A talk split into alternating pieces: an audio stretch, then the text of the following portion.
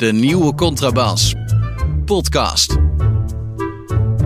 Over hedendaagse literatuur en de wereld daaromheen. Met Chrétien Breukers, een elitaire Limburger. En Hans van Willigenburg, zomaar een Zuid-Hollander.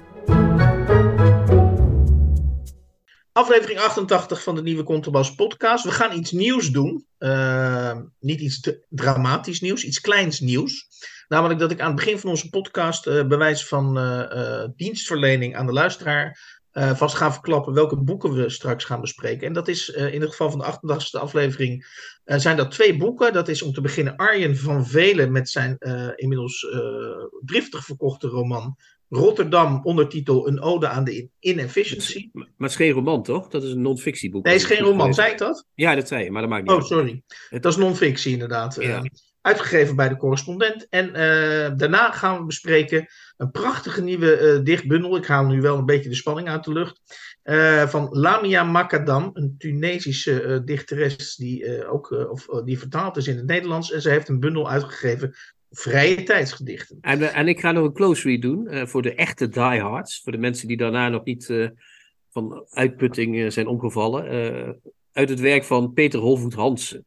Heeft ook een nieuwe bundel. Veel, veel poëzie deze keer. En weg zijn alle luisteraars. Ja, iets. Goed, gaan we snel door. Move on, um, move on, ja. We hebben natuurlijk uh, uh, driften gestrooid met pleinen, allees en, en straten, stegen. Voor, voor, mensen die, voor mensen die voor de tweede keer gedoneerd hebben. En daar heb ik twee opmerkingen bij. Ja. De eerste is dat we één iemand uh, vergeten zijn. Nou, die heeft ook twee keer gedoneerd. Namelijk oh. Van Hoorden. Oh, sorry. Ja, ja, dus die, die moet ook even genoemd worden. Maar de tweede opmerking die ik daarbij heb. Is dat we natuurlijk. we kunnen natuurlijk wel driftig en heel, heel ja, à la de nieuwe Rem Koolhaas, zullen we zeggen. De literaire Rem Koolhaas kunnen we wel uh, hele straten gaan, gaan ontwerpen voor, voor onze donateurs. Maar ja, die zwartluisteraars.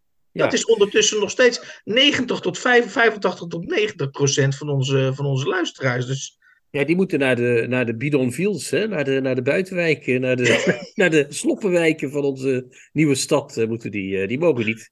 En die krijgen geen uh, radio meer dan, natuurlijk. Of ja, en ik zou ook zeggen, die moeten niet alleen naar, naar, naar, de bui, naar de slums, maar die moeten ook op water en brood gezet worden. Op water en brood en elke dag afgerost ook nog, als het even kan. Toch? Of niet? Met een knuppel. Hard. Ja. Oké. Okay. Dus jongens, Nou. ik denk erom. En we hebben vandaag weer één, één donatie gekregen net. Oh. Anne Gene, hartelijk dank daarvoor. Ja, fantastisch. Nog, nog één keer en ze heeft een straat. Dankjewel, Ja. Anne. Ja. Hoe ging het ook alweer bij, bij dat spel waar je alle, alle straten moet kopen? Eh, hoe heet dat spel ook weer? Monop mon mon Monopoly ja. natuurlijk, ja. Dat ja. je, dat als je belangrijke straten hebt, dan krijg je steeds meer geld, eh, zeg maar. Dus, ja. dus we gaan het zien. Oh, en Lodewijk van Oort, as we speak, heeft nu ook bij... Echt serieus, we zitten op te nemen en ik kijk Oh. op de telefoon. Lodewijk van Oort heeft aan je inzameling toe... eh, volgens mij doet hij het ook voor de tweede keer. Oké. Dat zou Nou, moeten gaan- kijken. Nou ja, we het wordt, het checken. wordt, het wordt een wereldstad. Om te beginnen, eh. dankjewel Lodewijk. Heel, heel, heel en Anne, ja, dat je tijdens de uitzending eh, ons doneert. En we gaan even na... tijdens de opname. Tijdens de We opname. gaan even, ja, tijdens de opname. We gaan even checken of je voor de tweede keer doneert. Want dan moeten we dus ook voor jou een. Ja, het wordt al een flinke stad, hè? We hebben al zes straten of zoiets. ja, ja, precies, precies. ik ga iets aan je voorleggen. Ik heb dat niet van tevoren aan je, want er moeten ook heel veel spontane dingen gebeuren in deze podcast. Dus eh, eh, dat probeer ik bij deze. Ik, ik pakte deze week in een boekhandel. Maakt niet uit welke boekhandel, doet er in dit verband niet toe. Maximus Hilligersberg. Nee, daar was het niet. Daar was het niet volgens mij. Eh, pakte ik een boek op en ik las op de achterflap las ik de volgende tekst. Let op, Kretje. Ja, komt ie. Lu, Lu Min, Yangshu 1973, had verschillende baantjes tot ze op een dag postzegels verkocht aan een beroemde auteur en gegrepen werd door zijn literaire aura. Dit inspireerde haar tot schrijven en met haar romans en verhalen wist ze een indrukwekkende internationale literaire carrière op te bouwen. Ja, man. En, ja, oké. En daar moet ik op. vraag mij. Ik, ik vraag me af welke auteur verzamelt er nou nog postzegels? Wat is dat voor flauwekul? Zeg maar. Dat voor oude mannenhobby. Maar eh, ja, voor, voor, ja, voor een brievenboek, ja.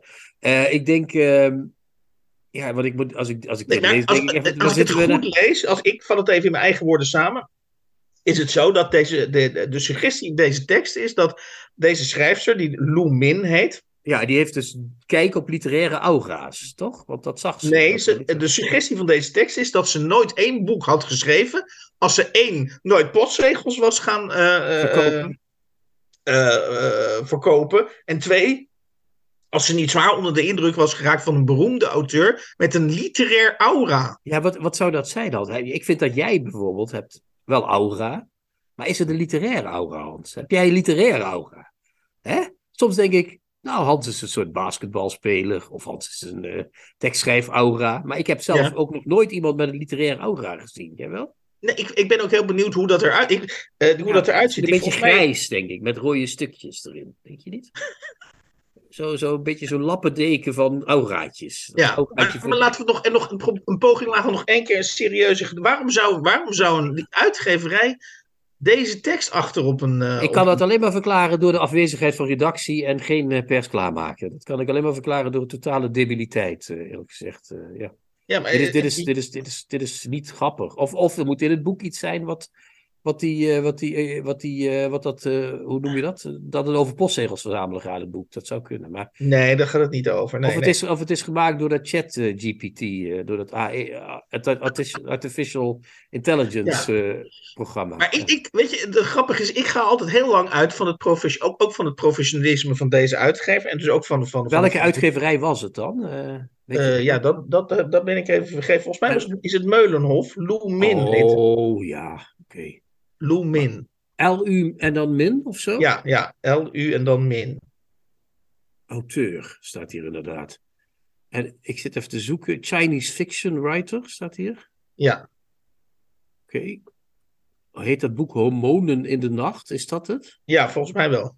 Wel een goede titel. Dat is weer eens wat anders dan. eh dan Code B hadden mooie mensen in de nacht, maar nu hebben we hormonen in de nacht. eh. Ja. Maar ik ga dus zo lang mogelijk uit van professionalisme. Ik denk dat hier ook gewoon een heleboel mensen naar gekeken hebben. En ik, en, en ik, ik kan me zo voorstellen dat een uitgever eh, denkt van... Ja, hoe, hoe ontstaan de meeste schrijverschappen? Ja, eh, je vindt schrijven leuk of je gaat eens een keer aan een boek beginnen. En toen dachten ze, nou zeg, nou hebben we Lou Min. En hoe is die nou begonnen met schrijven? Die heeft eerst proberen postzegels te verkopen. Die heeft postzegels verkocht aan een beroemde auteur. En die had een literair aura. Ik bedoel, dan, dat is misschien toch leuker. Ja, ik zit even te kijken naar het boek. Een stewardess laat zich meeslepen in een riskante driehoeksverhouding waaruit ze maar één uitweg ziet. Ik denk dat die elkaar brieven gaan schrijven dan en dat daar die postzegels voor nodig zijn. Denk je niet? Die drie, dat is het gewoon, toch? En Maar dan het is komt een er ook nog, subtiele verwij- het is die postzegels zijn een subtiele verwijzing naar het genre van de roman. ja, en dan komt er, oh, oh, het is bij de Geus uitgegeven, zo te zien, of niet? Ja. En dan staat er, vier vrienden vertellen elkaar over hun seksuele misstappen met onverwachte gevolgen, Hans. Ja, dat is literatuur, dus blijkbaar, ja, gezellig. Ja. Ik, zullen we Lou Min een brief sturen? Dat heeft ze ons, heeft een Nederlandse postzegel daarna. Ja, dat is misschien wel een leuk, leuk, experiment. Ja, zouden, kunnen we misschien zien aan die postzegel of onze aura wel literair genoeg is? Dat zou ik wel willen weten.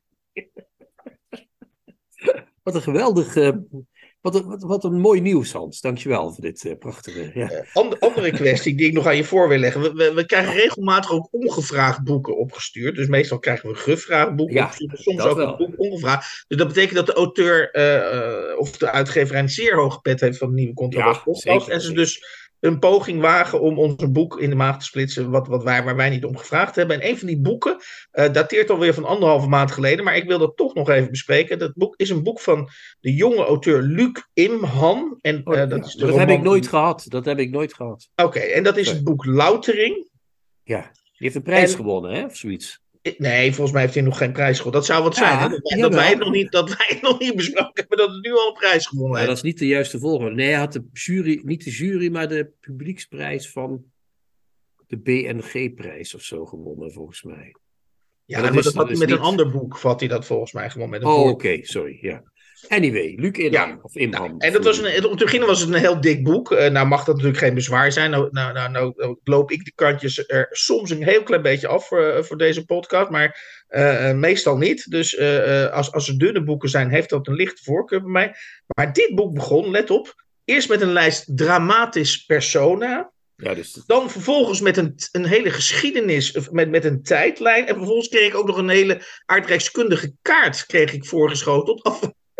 En toen dacht ik, ik heb zo geen zin in dit boek. Heb ja. je dat nou ook? Ja, ja, maar dat weet ik dus niet. Nogmaals, want ja, we kunnen de kwestie wel behandelen. Maar ik, heb Mhm. het boek, ik zou het boek krijgen en ik heb het nooit gehad. Dus ik weet het gewoon niet. eh, sorry. Nee, maar het gaat, even, er- het gaat er even om dat er dus, dat er dus uitgevers zijn en ook eh, schrijvers kennelijk die zeggen van ik heb nu ik heb, ik heb een boek geschreven, maar dat kun je eigenlijk alleen maar lezen als ik eerst een lijst met dramatische personen, eh, een kaartje plus een tijdlijn publiceer. Ja, ik, ik haak dan ook redelijk snel af meestal bij dat soort boeken. Ik heb Oorlog en Vrede ook nooit tot het eind gehaald. Daar heb je ook zo'n lijst bij, weet je wel. Van eh Tolstoy. Daar heb je ook zo'n Ja. eh, eh, graaf die en luitenant uh, zus en zo. En ik vind het, ja, maar goed, het kan, het kan een heel goed boek zijn, maar ik vrees het ergste als ik zoiets hoor. Ja. Dan heb je natuurlijk nog de kwestie Dostojevski. Je weet waar ik het over heb? Dostojevski. Is er een kwestie Dostojevski? eh? Ja, er is een kwestie Dostojevski. Wat, wat heeft hij gedaan? Wat heeft Dostojevski uitgewerkt? Ik heb niet alles gevolgd over het Russische nieuws, maar vertel eens even. Wat, wat, wat is er aan de hand? Nee, serieus, ik weet het niet. Echt? Nee, kijk, eh, eh, er zijn een aantal, eh, nu een aantal stemmen in de Oekraïne. Een aantal schrijvers ook. En die zeggen dus eigenlijk ook tegen het westerse publiek. dat we de Russische literatuur in deze barre tijden moeten boycotten. En dat Oh, als, ja, je, ja, dus- ja. als je Dostojevski leest. Dat je, eh, er is zelfs een, een hele beroemde auteur, en, eh, zelfs bijna de nationale auteur, Andrei Kurkov. Hij schijnt Russisch-Oekraïnse roots te hebben, maar hij, hij woont in, eh, in, in, in Oekraïne. Die wil het gaan zegt- boycotten. Ja. En hij zegt in feite, Poetin opereert deels in de geest van Dostojevski. In een, zeg maar het fatalisme. eh, bij Poetin is, kun, je een, kun je een stippellijn trekken van het fatalisme van Dostojevski naar, naar de mentaliteit van Poetin. Ja, ja, ja, ja, ja. ja, zo kun je altijd iets zeggen. Dat, eh, kijk, eh, ik weet niet of het Dostojevski was, maar iemand zei: de Rus begrijpt alleen de knoet. En volgens mij zei, heeft Dostojevski dat ooit gezegd. Mhm. Dus in die zin zou je kunnen zeggen dat fatalisme iets is wat in de Russische geest eh, zit. Maar het gaat dus om een culturele boycott, als ik het goed begrijp. Dus schrijvers moeten we gaan boycotten. Dan. Ja, hij, hij, hij, hij wil die gedachte, hij wil dat idee toch wel gaan. Ja, de laatste culturele boycott waar ik me iets van herinner nog, is die, met, is die van Zuid-Afrika geweest. Dat hebben we toen gedaan. Hè? Dat, eh, dat is nog, het heeft nog tot gevolg gehad dat Hermans, W.F. Hermans, niet Toon Hermans. Ja, je moet het erbij zeggen tegenwoordig, Mhm. want eh, voordat je het weet zitten we in een Salman Rushdie-achtige situatie. eh, zoals laatst bij De Slimste Mens. Heb je dat meegekregen trouwens? Maar dat Nee. behandelen we dadelijk wel dan even. Ehm, maar die, ehm, dus een culturele boycott heeft vaak, kan helpen, maar ja, als wij geen Dostoevsky lezen, ben ik bang dat Rusland niet gaat denken van dan gooien wij minder bommen op eh, Oekraïne. Eh, toch? Of wel? Ik vind het een beetje show, showpolitiek eerlijk gezegd, als ik dat eh, zo hoor. en diezelfde schrijver waar ik het net over had, die Hoe heet dus, die Govert? die-? Andrei Kurkov. Andrei Oh. Koerkov, ja, ja, oké. ja. Eh, hij- een van zijn bekendste romans is Pingwin op het ijs. Wel een mooie En, titel. Eh, een van zijn, hij, werd dus, hij is verschillende malen geïnterviewd, juist omdat hij natuurlijk een soort Oekraïns nationaal symbool eh, is geworden. Misschien tegen wil en dank, of misschien juist niet tegen wil en dank. Mhm. En een van de citaten uit een van zijn interviews, en dat eh, geef ik je nog even mee. hij zegt dan op een gegeven moment in dat interview: Er is al twintig jaar geen schrijver in Rusland die een morele autoriteit vormt voor de bevolking. Oh god, ja, morele. Oh, we moeten naar morele autoriteiten. Gat... Hij, hij zegt daarmee in feite: Het is tijd dat Tommy Wieringa naar, misschien naar Rusland verhuist. Dat is een goed idee. Want ik denk bijvoorbeeld dat van die bondlazen zouden hem echt beeldig staan, denk je niet? Als die met die bondlazen en zo'n jekje en zo'n grote muts op. En eh, dan, eh, oh, wat een goed idee, Hans. Ja, Ja, En- het en- komt spontaan als- in me op. Ja. ja. maar en als er iemand morele autoriteit heeft, dat weet je ook, Hans, dan is het Tommy. Ja, Maar, maar ik hou niet van, alleen hou ik zelf niet zo van morele autoriteit van schrijvers. Maar goed, dat is weer wat anders. Maar het is, ik, ik vind het, de roep om morele autoriteit vind ik eigenlijk nog bedenkelijker dan de roep om, eh, om een culturele boycott, geloof ik eerlijk gezegd. Eh, ja. Maar goed, het verenigt zich dus in één schrijver, André Kurkov. Je zou bijna gaan zeggen. Die ga ik boycotten, denk ik. Die schrijver ga ik boycotten. Je zou bijna, ik, ga, ik ga eens een boek van hem lezen, want, want, want ja, want- Nee, nee, nu niet. Tot pas als hij weer braaf, als hij weer gewoon doet, gaan we de boek Ja. van hem lezen. Ja, en dan staat er eh, tot slot, en dan mag jij er nog een, een laatste onderwerp toevoegen, want jij had volgens mij nog iets. Ja. Er staat al, al eh, ik denk al drie, tweeënhalve maand staat er een citaat op mijn introlijstje. En daar ben ik steeds maar niet aan toegekomen, omdat ik steeds dacht, nou, dat intro is nu wel te, eh, te lang, dus dat ga ik nu niet meer doen. Maar dat is een citaat wat ik al tweeënhalve maand op mijn briefje heb staan. En dat is afkomstig uit De Harp, eh, de roman van Arie Storm. En op pagina 43, en ik lees 100, sorry, 143 staat het, vol, het volgende citaat. En eh, ik zou dat, ik wil, zou willen voorstellen om daar misschien eh, een beginselverklaring van de nieuwe contrabas eh, van te maken. Let op. Valt het woord cultuur of literatuur, dan gaan bij een grote groep mensen de hersens op slot. Dat zijn juist de mensen die van cultuur zeggen te houden en voor wie je het als kunstenaar of als schrijver zou moeten hebben. Voor deze groep mensen is cultuur altijd goed, ook als het niet goed is. Zo zitten we in de rare situatie dat je je als kunstenaar of schrijver richt op mensen die bij voorkeur niet nadenken. Ja, dat is een fantastisch motto, is dat inderdaad. Ja, daar, dus, daar kan ik niks aan afdoen. Dat is echt helemaal waar. Is dat. Goed, Leven. Ja, dat is het goed motto. Dit kan eh, boven de deur van onze werkkamer in onze nieuwe stad eh, staan. eh, al die vreselijke mensen die de hele dag literatuur zitten te citeren op Twitter en zo. Dat soort, dat soort volk waar hij het over heeft. Ja, het is echt heel herkenbaar. Is het, eh, ja. ik, had, ik, ik had net nog iets, eh, Hans, over eh, dat ik nog een ander onderwerp had. Over Rusty. Ja, ik keek, omdat ik nu veel thuis ben, hè, met, in verband met mijn heupreces, ben ik veel binnen. En dan kijk ik naar de slimste mens. En dan geef ik toe dat dat niet het slimste is wat je kunt doen. Dat geef ik toe. Maar deze week was er een heel raar moment dat in beeld kwam Salman Rushdie. eh, lang geleden bij Adriaan van Dis. Dus nog oh, dat is echt lang geleden, ja. Een wat jongere Salman Rushdie. Toch al kaal, maar toch nog veel jonger dan die nu lijkt. Even voor de Eh, jongere luisteraars, dan heb je dus echt over eind jaren tachtig, hè? Ja, dat, of begin jaren 90. Maar in ieder geval na de fatwa in 89 moet Ja. dat geweest zijn. Ja. En ehm Rushdie kwam in beeld en een, en een van die eh, kandidaten moest dus gaan zeggen, en dan moet je gaan zeggen, Salman Rushdie, fatwa, Iran, Khomeini. Oh ja. Eh, Je moet dan allemaal steekwoorden en daar krijg je punten voor. Ja. En die eerste zei, is dit een acteur? Vroeg hij zich als eerste af. Wat trouwens nog niet zo dom was als de vraag ooit, toen was er een, eh, ik geloof Milou Selen of zoiets heet ze. Toen kwam de vraag, wat weet u van Franeker? En toen zei ze, is dat een eh, eh, toneelspeler? Vroeg ze toen zich af of dat Franeker...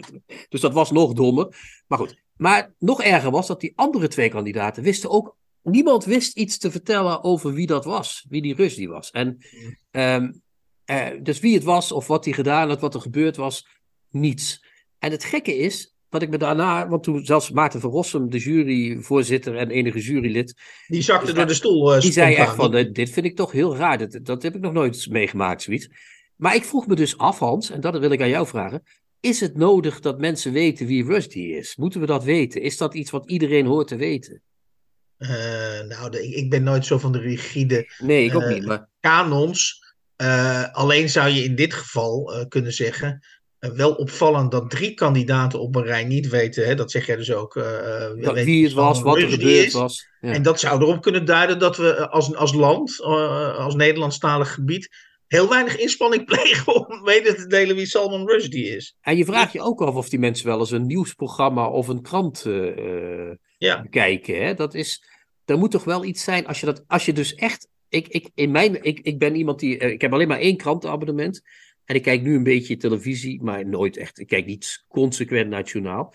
Maar ik zelfs met één krant en af en toe nu.nl en de NOS en hier en daar wat andere nieuwsbronnen Mhm. wist dat dit gebeurd was. Dat Russie was aangevallen en dat er een. eh, hè, dat die, dat die Ja, ik denk dat het eh, wel heel relevant is hoe oud natuurlijk, in wat, wat jij zei, hè, hoe oud waren die kandidaten die het niet wisten? Want Ja, maar er waren wij een paar van midden natuurlijk 30. van, wij, waren zelf een jaar in de, in de, in de jaren tachtig waren wij in onze twenties.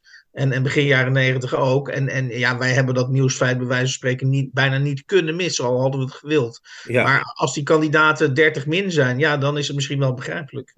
ja, er waren er misschien een paar van 30 min, maar er was er ook wel een over de 30. Ik vind het toch.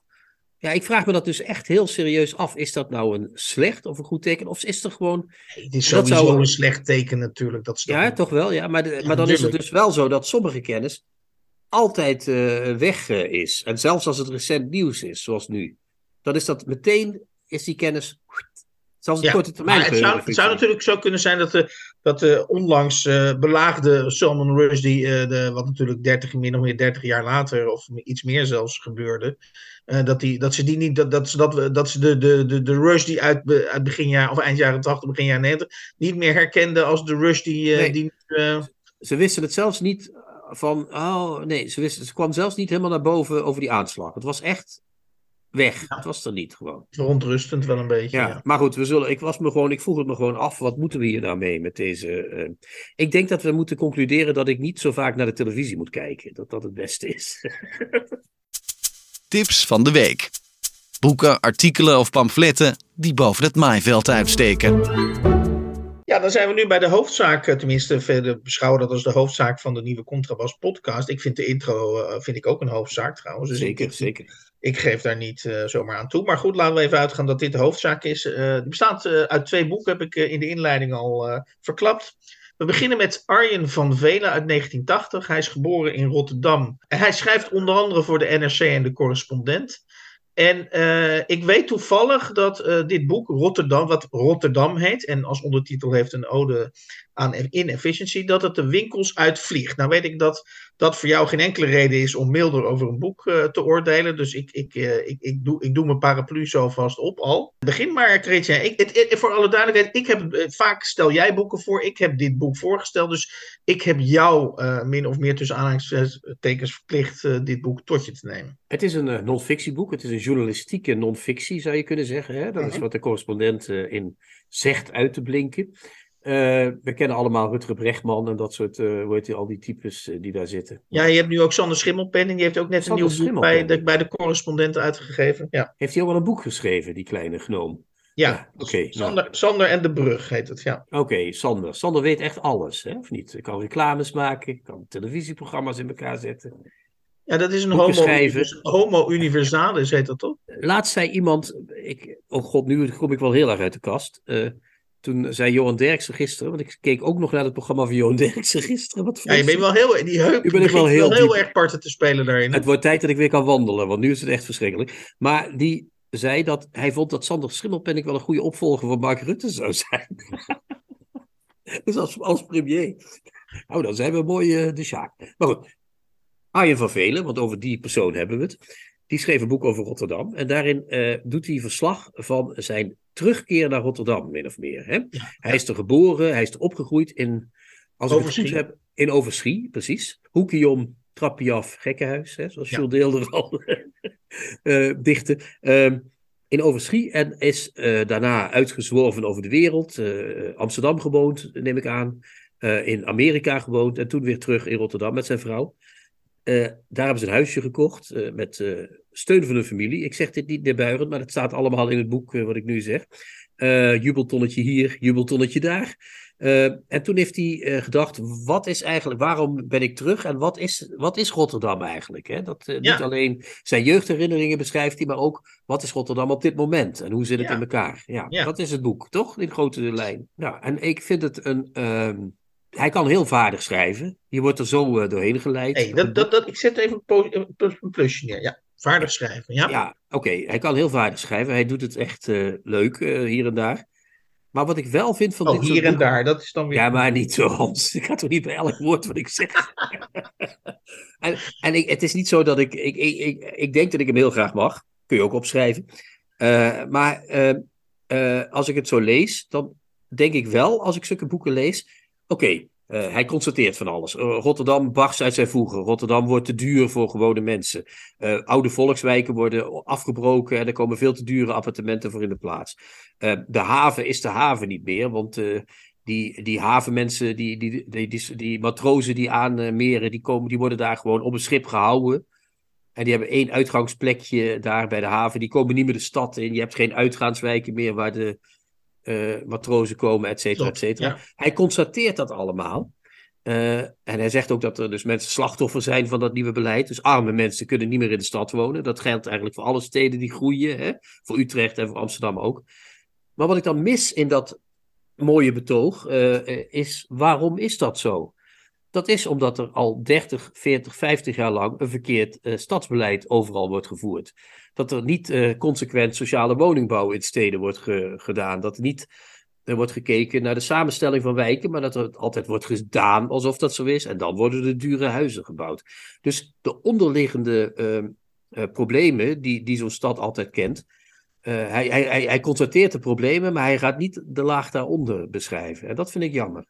Dan wordt het toch een beetje vrijblijvend, een, een soort vrijblijvend memoir. Leuk, aardig, maar waar komen die problemen dan precies door? Onderzoek, Als je journalist bent, moet je juist dat onderzoeken. Dan moet je daar naartoe. Dus dat is mijn plus en mijn min van dit boek, als ik het zo eh, mag zeggen. Ik probeer, maar goed, ik probeer dat ook niet steeds te benadrukken. Maar ik, heb, ik kijk er iets journalistieker naar dit boek. Om te beginnen constateer ik dat, uh, dat die uitgeverij van, uh, van de correspondent uh, um, enorm succesvol is. Dus bijna elk boek dat ze uitgeven, dat lukt ze op een of andere manier om dat goed in de publiciteit neer te zetten. Uh, Rutger Brechtman is natuurlijk niet alleen in Nederland, maar ook in Engeland was hij met de vertaling van zijn boek is hij ook een enorme hit. Dus mm -hmm. er hangt een, een, er kleeft iets van succes aan. Uh, ook dat boek van Jo, het deed me namelijk, en ik zal die analogie ook eventjes uitleggen. Uh, dit boek deed me ook denken aan ehm, het boek Het zijn net mensen van Joris Luijendijk. Dat ging destijds over de financiële elite in Londen. Nou, en dat was eigenlijk een onderzoek naar hoe de financiële crisis tot stand is gekomen.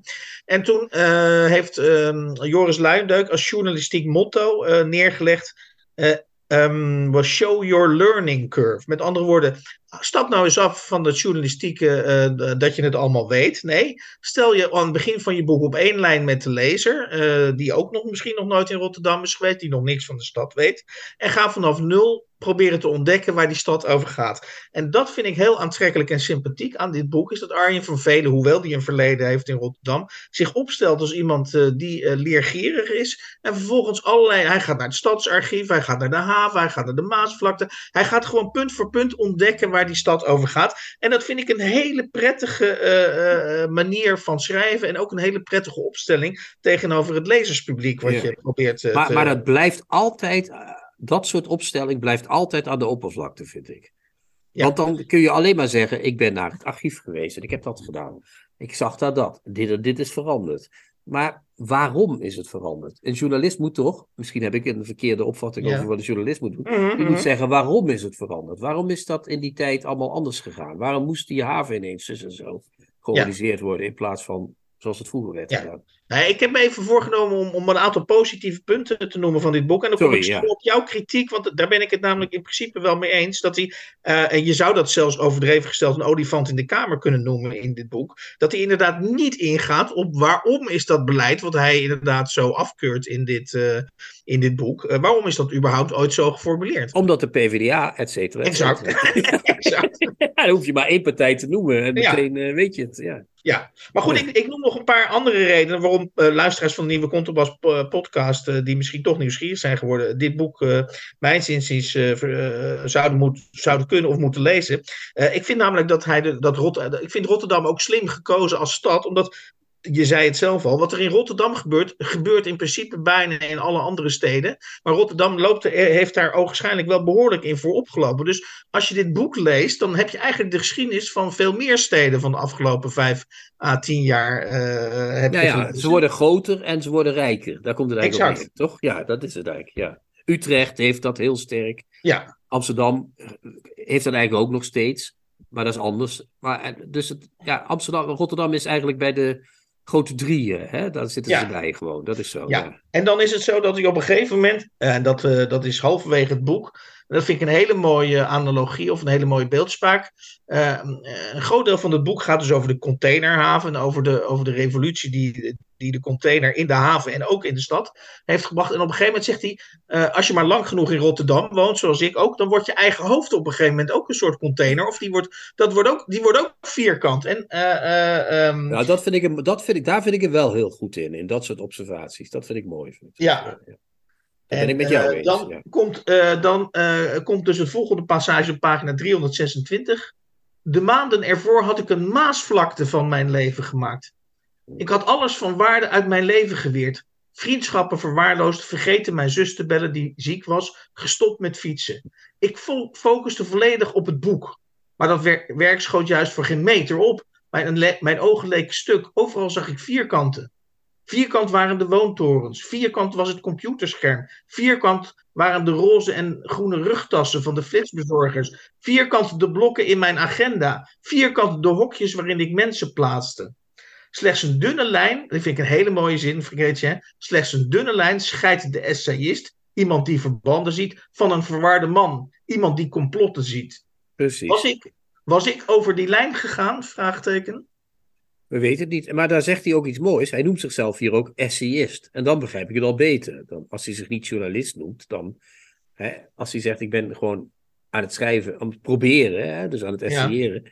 Dan, uh, uh, dan is, het, ja, dan is hij inderdaad als essayist hier bezig. En dan is hij op zijn best, denk ik, eerlijk gezegd. Dus niet zozeer als, als, als feitenweergever, maar als echt een beetje zoekend van wat is mijn positie. Zo, dat vind Ja. ik heel goed. Ja, ja, ja. Wat, wat ik ook niet onvermeld wil laten, ik weet niet of hoe jij dat ge- eh, geconsumeerd hebt, Chrétien, eh, voor, voor elke Rotterdam-bezoeker, maar voor elke Rotterdam ook, zijn de kubuswoningen zijn natuurlijk eigenlijk, eh, zeker ook voor buitenlandse bezoekers, bijna synoniem met Rotterdam. En hij is een beetje in de, in de architect van die kubuswoningen eh, is die gedoken. Ja. En die, die, die, die man blijkt een verschrikkelijke hekel aan het woord woning eh, eh, te hebben gehad. Wat op zich niet zo verbazingwekkend is, als je, als je dus uiteindelijk uitkomt bij de kubuswoning. Want dat zijn, je kunt zeggen, ja, dat is eigenlijk ontworpen om de bewoners van die kubuswoning een beetje te plagen. Ja, want waar moet je daar... Ik heb me altijd afgevraagd waar je daar boekenkasten moet neerzetten, bijvoorbeeld. ja, ik weet het niet. Maar goed, oké, ja. Ik ben er nooit binnen geweest. Dus ik De, de, de architect van die, van die kubuswoning is Piet Blom. En dan eh, eh, is eh, Arjen, van Veen is even in, in de archieven gedoken. En die zegt dan op pagina 327. Blom in een ander interview, dubbele punt. Mensen die vroeger op elkaars lip en op elkaars schoot zaten, wonen nu ineens in een gigantisch huis. Hebben bankstellen waarop ze vijf meter uit elkaar zitten te praten. Je gaat ook niet meer weg, want als je een huis hebt, is het te duur. Je hoeft ook niet meer weg, want je hebt een televisie. Je hoeft niet te dansen, want je hebt al een vrouw. Je hebt een koelkast waar je een fles jenever in zit. En dan hoef je ook niet meer naar de kroeg. Er is een verschrikkelijke opgesloten toestand ontstaan. Ik haat de cultuur van het huis ook zo, omdat je daardoor je vrienden en vriendinnen niet meer mag opzoeken. Je mag zo langzamerhand niks meer van dat huis. Het is een gevangenis geworden. Ja, maar dat is toch een fantastisch citaat, of niet? Ja. Dat is toch schitterend, ja. Kijk, Ja. maar de- ik, ik, ik, ik zou dus... Ik ben het, ik- je lult me bijna om, eerlijk is eerlijk. Maar ik zou van, ik zou van Vervelen wel eens een boek willen lezen... wat alleen maar uit dit soort eh, flitsen en flarden bestaat. eh. Dus, dus, dus die essayerende... Want hij heeft ook van die dingen, en dat is dan op pagina 164... Dan begint hij met een stuk met... We waren met de kinderen de stad uitgegaan... voor een meivakantie in een dorp in de Betuwe. Vanaf de stad over de A15 was het maar een uur rijden. Toch voelde het als een tijdreis. En dan zet hij zichzelf wel daarna wel weer een beetje neer als het zullige gezin op vakantie. Ja. Maar ik denk ook, kom, kom, we zijn in Nederland, lieve mensen. We zitten hier niet in, eh, in eh, we zijn hier niet in, eh, dat, je, dat, je, dat je van Mexico City naar het platteland gaat of zo, zeg maar. Ja, Eh, dus ja. eh, ik zou zeggen, dat journalistieke, laat dat maar gaan gewoon. Laat dat maar, schrijf maar lekker op, dan kun je het beste. Dat is echt wat hij heel goed kan. En daar zou ik nog willen afronden, en dan gaan we naar het tweede boek zo, is dat, ik zei net al, eh, het mooie aan dit boek is, en dat ik dus blijf aanraden aan iedereen, al was het maar omdat het, er zit natuurlijk een klein beetje chauvinisme in. Ja, eh, tuurlijk. dat- Ja, ja. Dat vergeet Terecht, de luisteraar maar wel. Eh, eh, er zit een, eh, ik zei net al, Rotterdam staat eigenlijk synoniem in dit hele boek voor een heleboel andere steden. En dat zit heel mooi in dit citaat uit, van pagina 200. Ja. Steden waren in slaap gesukkeld. Universi- universiteiten waren diplomafabrieken geworden. Vuige kroegen waren veranderd in wijnbars. Krakers waren nu kopers. Niemand had nog, tijd, nog de tijd, het geld of de geestelijke bandbreedte om subversief te zijn. Zelfs de voorheen zo ongebonden studenten hadden nauwelijks oog voor andere zaken dan studeren, werken, slapen. En ze woonden vaker bij hun ouders omdat de kamers te duur waren. Kunstenaars zagen zich genoodzaakt om brave muurschilderingen te maken voor de gemeente. Voor krakers, zwervers en zonderlingen bestond geen tolerantie meer. Zoals de grutto bijna was verdwenen uit het weiland, zo waren de paradijsvogels, de hanenkammen, de vliegenfluiters uit de binnensteden verjaagd. Samen met de nieuwe kansrijke bewoners leek ook de burgerlijke geest van suburbia neergedaald over de binnenstad. Dure huizen hadden saaie mensen gemaakt. Het vuur, ja ja Chrétien, het vuur was gedoofd. Ja, maar het vuur is vooral ook gedoofd bij Arjen zelf. En dat, dat is wat jij een beetje over het hoofd ziet hier. eh. Het, het, het, is, het is toch te makkelijk. Maar goed, oké. We hebben nog een ander boek, Hans. En wat voor een? Een dunner? Maar niet onaardig, toch? Of wel? Nou, niet onaardig. Ik vind het een heel, heel erg goed, ja. We hebben eerder in deze podcast al kont gedaan van het feit dat poëzie voor ons allebei misschien wel een beetje een gepasseerd station is. We hebben ooit al ons allebei bezondigd aan het schrijven van poëzie. Eh, ik weet niet of jij hier, eh, en dan hebben we nieuws, eh uit te sluiten of jij ooit nog gedichten gaat schrijven. Misschien schrijf je stiekem wel gedichten. Nee, nooit meer. Nee, bijna nooit. Nee. Ik dacht bijna dat je misschien over je heup nog een, een gedicht ooit zou, zou schrijven, over je nieuwe heup. die, die bundel gaat dan heten titanium, naar het ma- materiaal waarvan die vervaardigd is. dat zou wel mooi zijn. De bundel titanium. Ja. Ik kan dus verklappen dat deze bundel van eh, Lamia Makadam, een, een, een, Tune- een, een, dichteres van Tunesische origine, die eh, nu in Den Haag woont, als ik het goed begrepen heb, die heeft me bijna opnieuw gewonnen. Of ik kreeg, en dat vind ik echt, een, dat heeft ze heel knap gedaan. Ik heb dankzij haar bijna weer zin gekregen om poëzie te schrijven. Ja, dat, dat klopt. Het is de tweede bundel van haar, als ik het goed heb gezien. Ze, dat was de, ze is Nederlandse dichter Lamia Makadam, afkomstig uit Tunesië. Vijf dichtbundels in het Arabisch. En eh, da- da- da- da- da. je zult me vinden in elk woord dat ik schrijf. Dat was de vorige bundel van haar. Ja, En dit, deze bundel heet Vrije Tijdsgedichten. Dat was mijn eerste kennismaking met haar, moet ik eerlijk zeggen. En ik heb heel vaak dat ik niks in boeken schrijf. Of dat ik denk, nou, dit boek kan meteen naar de kringloop. Maar ik heb heel vaak in dit boek heb ik allemaal lachende gezichtjes geschreven. Met in potlood, ja. weliswaar. Dus dat ik het mooie zinnetjes vond. Of dat ik dacht, oh, even onthouden dat het er staat. Dat vind ik echt... eh, eh, het- ik weet soms niet meer, als ik het achteraf teruglees, denk ik soms, huh, wat was mij precies, bezielde mij. Maar het, eh, hier, het leven is hard en zal nooit poëzie worden, zoals het oor nooit zal zien. Heb ik ook een lachend gezichtje bij gezet. Niet dat het zo'n humor is, maar het is wel heel mooi gezegd. En het hele boek zit vol met, zin, met mooie zinnen, dat is één. Maar het is ook een, het is een beschrijving, gek genoeg, ook van eh, het schrijven van de tweede bundel. Hè? Dat is wat het is, toch? Ja, ik, ik- op, het gevaar af dat ik, op het gevaar af dat ik nu in recensententaal ga spreken. Ik heb hier opgeschreven, want ik bereid, ja, ik, nogmaals, soms, ik bereid me al minutieus voor. Ik vind dat ook een, een podcast eh Ja, maar dat heb ik nu wel matige gedaan. dus spontaniteit eh, moet ik help hebben. je er wel door. Ja. ik heb wel opgeschreven dat de kracht van deze bundel, en dat had ik in een, eh, in een recensie kunnen schrijven, is de vermenging van het banale en het poëtische in alles. Zeker, zeker. Het zijn namelijk ook, zoals de titel al zegt, vrije tijdsgedichten. Het gaat over een dichter die in zijn vrije tijd een bundel. Die, zij, ze, we gaan er maar vanuit dat het een zij is. eh, die in de vrije tijd een bundel schrijft. De de dichterbundel begint ook met de zin: Ik maak de koelkast schoon. En dan ga ik zitten om een paar regels van mijn gedicht te schrijven. Dus ze begint letterlijk Ja, met een ja. huishoudelijke taak. De koelkast schoonmaken. Ja. Je weet zelf ook, als je dat wel eens gedaan hebt. Ik weet niet of jij dat moet doen. Of dat dat een van jouw eh, slaven dat altijd doet. Ik weet Ja, dat, ik heb daar een aparte slaaf voor, ja. Precies, ja, jij wel. Maar wij, gewone mensen, maken wel eens een koelkast schoon. Dat is een beetje vervelend werk. Daar zie je lang tegenop. En omdat je er lang Ja. tegenop ziet, is die heel vies meestal. Dus en als je dan gaat zitten schrijven daarna, ben je nog niet helemaal in de juiste frame of mind voor gedichten.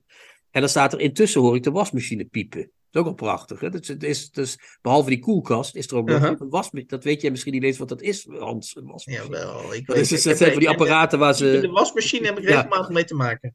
Ja, ik loop naar de tekst. Ik, ik laat de tekst liggen en loop naar de wasmachine om de gewassen kleren eruit te halen en ze in de droger te stoppen. Dus dat is de hele huiselijke setting waarin we komen. Maar een paar bladzijden verder zitten we al in allerlei eh, herinneringen. Eh, ehm, ik was nog een klein meisje toen een van hen mijn hand pakte en in zijn broek stak. Dus dan zitten we weer in een hele andere huishoudelijke eh, taak die we hier ineens voorgeschoteld krijgen. De hand is nooit meer teruggekomen. Dat is toch echt ook heel mooi trouwens. Hè? Dat je iemand, Ja, ja, dus iemand, iemand pakt je hand en duwt die naar. En dat, die hand is. Dus dat is altijd. Dat is, dat is hoe. Nou, dat is echt een geweldige beschrijving van een trauma, toch? Dat is echt. eh, dat is heel mooi gedaan.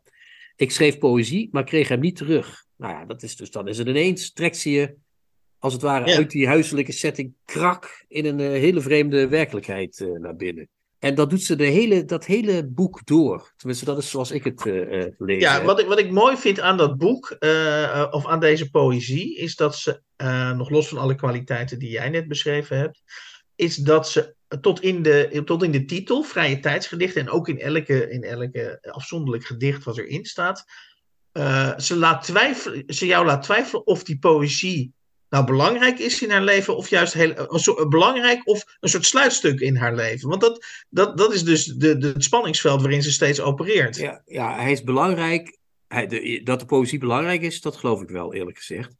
Maar, Ja, maar, dat, je- maar, maar, ze maar, daar- ze kan- je steeds twijfelen, want ze noemt het vrije tijds. Ze noemt het niet voor niks vrije tijdsgedichten. Ja, dat is waar. Er zit een soort spanning tussen dat. Is dat nou. Is dat het belangrijkste, zoals ik zeg? Of- Exact. Of, Tenminste, of zo, drie- ervoer ik, zo ervoer ik dat. En dat vond ik dus ongelooflijk goed aan die bundel. Ja, dat ik steeds het idee had: oh nee, het is, oh nee, ze doet het aan het eind van de dag. Oh nee, ze doet het tussen de was door. Oh, Ja, ja. dan, is het, dan is het niet belangrijk. Terwijl tegelijkertijd zegt ze eigenlijk van. Ja, de tragiek is dat het belangrijkste in mijn leven, dat moet ik tussen de wasjes door doen, bij wijze van spreken. Maar dat, dat bedoel ik met die spanning. Het is, het is en het belangrijkste. En tegelijkertijd dringt de wereld zich de hele tijd op. Die hele tijd draait die Ja. wasmachine maar door. Of gaat die koelkast Ja. vies worden. Dus dat is. En, en ja, dat is. Dat, ik, en, en het is ook nog eens een keer. Dat moet ik er ook nog bij zetten. Het is een heel boek in proza gedichten. Hè? Bijna dat zijn proza proza gedichten. gedichten. Ja, klopt. Nou, en dat is een heel moeilijk genre, want je weet Hans, het proza-gedicht, als je daar eh, één zinnetje fout in schrijft, dan lijkt dat helemaal nergens meer naar. Ze weet de spanning er ook zo goed in te houden, wat jij net zei. Dat je steeds denkt, is het nou dit of is het nou dat? Elke zin is raak. Dat is echt Dan zal ik proberen is één gedicht voor te lezen. Ja, welk, uit welke, welke bladzijde? Eh mee. bladzijde 30 heb ik eh, Ja, uitgekozen. Vind ik een fantastisch gedicht. Goed. En eh, ik zal ook zeggen waarom ik dat een fantastisch gedicht vind. En ik zal nog een reden, nog een reden opgeven waarom ik dit een fantastische bundel vind. Eh, de, e- al haar eerste zinnen zijn trouwens meesterlijk eh, Ja. eh, van, van al die proza gedichten. De regen durfde niet buiten mijn oog te vallen. De hemel zelf, de wolken, de zee met haar golven. Het proces van verdamping, dubbele punt. Ze vonden er binnen plaats. Bomen planten doet het meeste pijn. De takken buigen buiten je ogen naar je raam en de drempel van je huis. Als spinnenpoten die grijpen naar je nek. Buiten gebeurt er niets. En al dit licht, die ruimte, niemand. Houd op met het stelen van de zinnen van anderen, zegt het boek in mijn handen. Maar dat is geen stelen. Is het mijn schuld als de taal tekort schiet, als de woorden woorden zijn? Uiteindelijk blijven dezelfde letters steeds weer rondgaan om dezelfde zinnen te maken, dezelfde poëzie, dezelfde dichters. Wie zijn al die mensen van Chili tot Spanje in Noord-Amerika en Kenia? Ze zijn één enkele dichter die voortdurend om iedereen heen draait, die de ene nacht bij jou slaapt en de volgende bij mij, en dan teruggaat naar zijn eigen huis, naar de onvolmaakte taal. De regen valt van binnen, de taal speelt zich van binnen af. De dichter is één. Is dat een samenvatting van wat er is gebeurd? Alweer een gestolen zin tussen ha- haakjes. Ja, dat is een nauwkeurige samenvatting van wat er is gebeurd. Tussen haakjes niet meer gestolen. Dat is een soort beginselverklaring, toch? Of niet? Ja, lees jij het zo? Ja, ik, kijk, Wat vond jij hier mooi aan? Ja, sorry. Ja, het, het, mooie aan dit gedicht is, het, het deed me denken, eh, ik weet niet eh, of, of die naam toen je bij het eh, lezen van deze bundel bij jou is opgekomen. Ik vind dat dus een heel groot compliment aan Lamia Makadam. Ik moest een beetje denken aan Arjen Duiker. Daar heeft het iets van weg. Ik moest ook denken aan Ka Drummond d'Andrade, moest ik denken. Aan die- Ja, en waarom? Ja, ja, vond ik ook mooi. En waar- Ja. waarom moest ik denken aan Arjen Duiker? Dit is poëzie die, over, die overduidelijk over al, alles meeneemt, over alles gaat en, en, en, en eh, alles naar binnen trekt. Eh, eh, in plaats van dat het een, ja, dit is een gedicht over een, de natuur of een gedicht over een huis of Ja. over mijn herinneringen. Nee, dit Ja. is poëzie die over alles gaat. Ja, dat is waar. En wat ook heel mooi is, dat tegelijkertijd, poëzie gaat over alles. Poëzie, iedereen, overal zijn dichters. Maar, zegt ze dan ook, dat is maar één dichter. En die slaapt dan eens daar en dan eens daar. Dus die slaapt dan eens bij die dichter en dan eens bij die. Maar al die poëzie is dan toch weer één geheel. Dat is ook mooi, hè? Dat, dat Ja. zijn allemaal verschillende losse dichters. En, maar er is maar één echte poëzie. En dat is, ja, het is, het is, het is, het- we, we schieten woorden tekort, Hans. Dat, is, dat hoor je maar, ja. Ja. Ik denk dat de Nederlandse poëzie een beetje Tunesisch nodig had. Dat is het gewoon. eh, ja, dat is... Dus eh, wat mij betreft, hup, hup, hup, richting Naar de boekhandel, ja.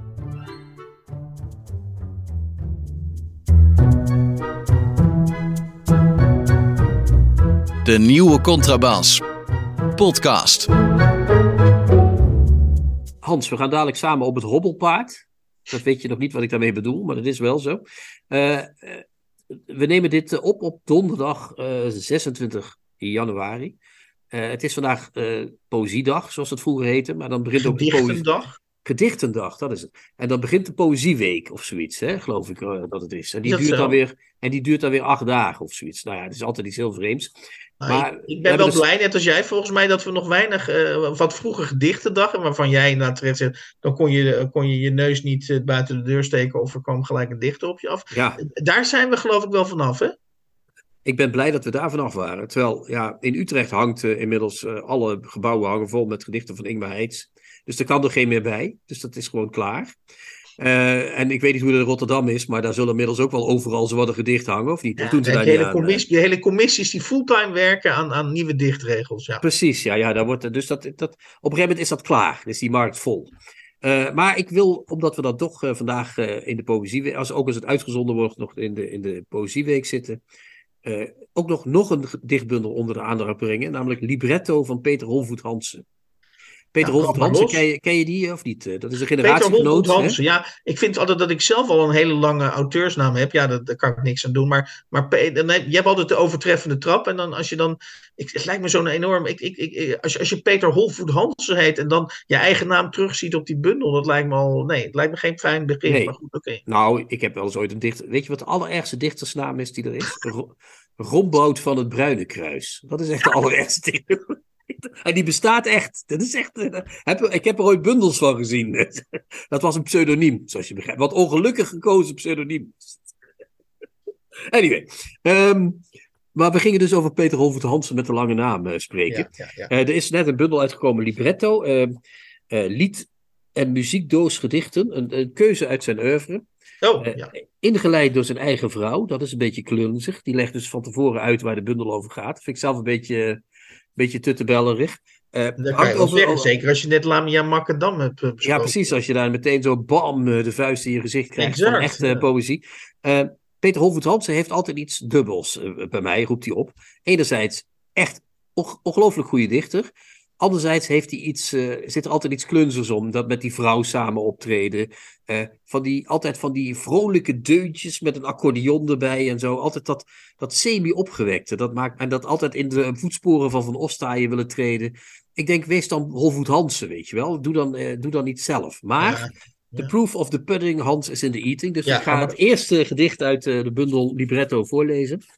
Dat heet Hobbelpaard. Daar gaan we dus samen even op. Dat Oh, verklaart ja, waarom ik in het begin zei dat we naar het. Hobbelpaard gingen. Zing voor de nevelkoeien zonder poten. Zing voor de blauwe kruinen zonder stam. Ze drijven roerloos in een dromenland. De goede koe, ze droomt wel kilometers. Het moet gezellig zijn daar in de hemel. Mist stijgt vanuit de aarde op en wiegt het landschap zonder poten, zonder stam. Zing voor het rosbruin paard de oude manen in tijd alleen, maar nog bestaat het niet. De zon met stralenluister breekt de sluiers, beroert het grijs tot blauw, verschuift de velden. De koeien zwarter bomen, groener blonder, de manen door de zon het felle licht vertoon. Rood dringt de mist tot op de bodem op, de koeien krijgen poten, bomen, stam. Zing en wens het paard een goede morgen. Wat is uw eerste reactie hierop, meneer Ja, Van nou, ik, ik, de, ik vind altijd sowieso dat je het mooi voorleest, dus dank daarvoor. En dit is ook poëzie eh, die zich goed laat voorlezen. Want we hebben Ja. regelmatig op kri- kritiek op gedichten, omdat je ze eigenlijk al amper uit je bek kan krijgen. Eh, Ja. en dat geldt voor dit, dit- hier zit veel binnenrijm in. Hier zit, Ja, maar het zijn ook lied- en muziekdoosgedichten. Ja, hè? precies, Dus precies. natuurlijk, eh, ja. En ja, ik vond, ik vond het, ja, dat, dat is natuurlijk een soort doodskus, maar het was in ieder geval een beeld. het was een beeldend gedicht. Ja. Eh, eh, Ja. En ik, ik, ik, ik, eh, ja, ik begreep, ik, ik, het sprak me wel aan, eerlijk. Maar dat is natuurlijk een hele daar daar kan je natuurlijk verder niks Nee. mee. Oh, oh, sprak het jou aan, Hans? Oh, nou fijn. Ja, ik vind het ook ik vind het een heel mooi gedicht. In de zin van kundig in elkaar gezet, inderdaad. Ja. Maar ik Ja. vraag me, en dat heb ik dus gezegd met, met Holvoet Hansen vaker, vaker af, van is hij nou een zanger die een beetje van zich afzingt? Of is hij een dichter die eh, echt, eh, net zoals eh, Lamia Makadam, hè, waar het echt er ergens over gaat? Eh, Nou, bij Macadam heb je, eh, wat ik zo mooi vind aan Macadam, je, je, je, je, in- die dichtregels proef je het vuur wat erachter zit bij Macadam. En Ja. bij, deze, bij deze dichter zie ik iemand die, ja, die, eh, die zit achterover. Hij zit niet voor een schildersezel, hij zit achter misschien een typemachine of een computer. En eh, ja, die denkt, laat ik eens een mooi gedicht eh, schrijven. Ja, ja, ja, precies. Dat heb ik hier gezien. En ik weet, en het rare is, en daar, we zullen dit eh, nu niet heel lang eh, gaan bespreken, maar Holvoet Hansen heeft van allebei wat. Dus hij heeft een beetje die kant van het zit lekker in elkaar en het is prima. En hij heeft die donkere kant. En ik vind het jammer dat hij die gemakkelijke kant hier nu eh, als eerste gedicht heeft gezet. Mhm. Eh, zal ik misschien te zijner verdediging nog een wat, eh, wat, wat, eh, wat Donkerder gedicht? donkerder en ook een beetje gedicht waarvan je denkt, ja, daar, is, daar hoor ik Holvoet Hansen meer in dan in dit. Ja, op het gevaar dat kundige- Hol- Holvoet Hansen anders zeer teleurgesteld raakt.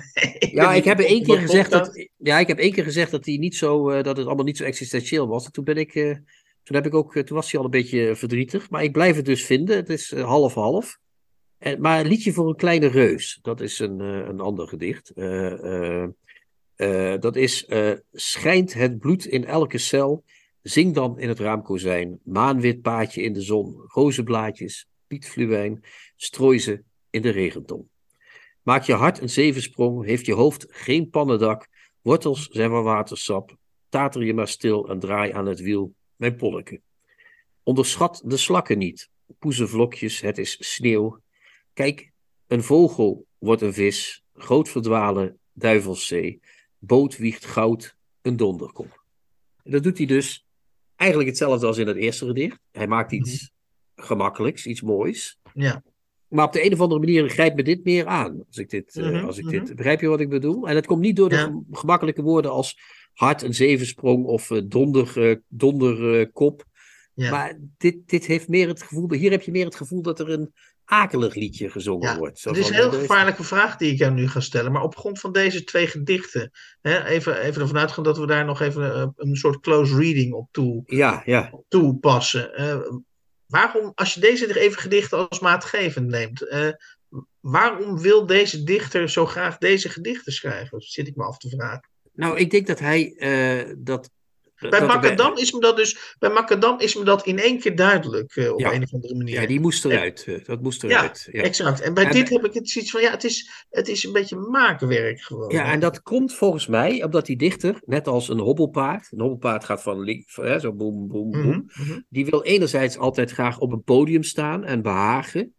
En het liefst ook een beetje dat mensen denken van, goh, dat is, eh, dat is wel apart hoor, die. Ja, Dus dat, kan ik, dat kan ik niet, zoals Holvoet Hans. Nee, zoals. Holvoet Hansen, dat kunnen wij niet. En, en dan met zo'n mutsje op en een beetje. Oh, oh, oh, oh, oh, oh, en dat mensen denken: ja, nee, dat is, hier is een dichter aan het werk.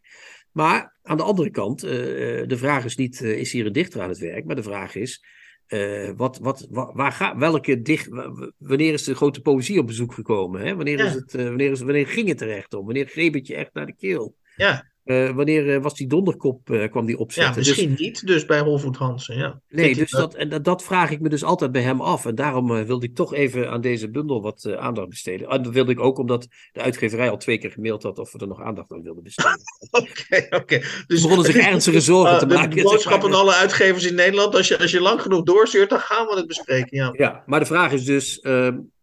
ja, kijk, eh, Lab, eh, Makkerdam, eh Holvoet Hansen is 1-0 of 2-0 of 3-0. Eh, Zeg maar. zoiets, zoiets. Ja. 3-0, 3-0 denk ik. En Holvoet Hansen is wel een dichter, maar misschien te behaagziek, ik weet het niet. Ik, ik, ik, ik, ik, ik, zo om het in modern jargon te zeggen, ik maak er weinig contact mee, Hans. Dat is het.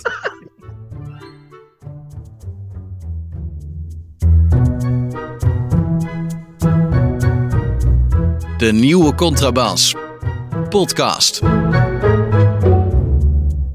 De 88ste aflevering van de nieuwe Contrabas podcast eh, bespraken we eh, Arjen van Velen met zijn eh, non-fictie bundel Rotterdam Ode aan de Inefficiency, verschenen bij De Correspondent in 2022. En verder bespraken we dus Lamia Makadam, als ik dat goed uitspreek.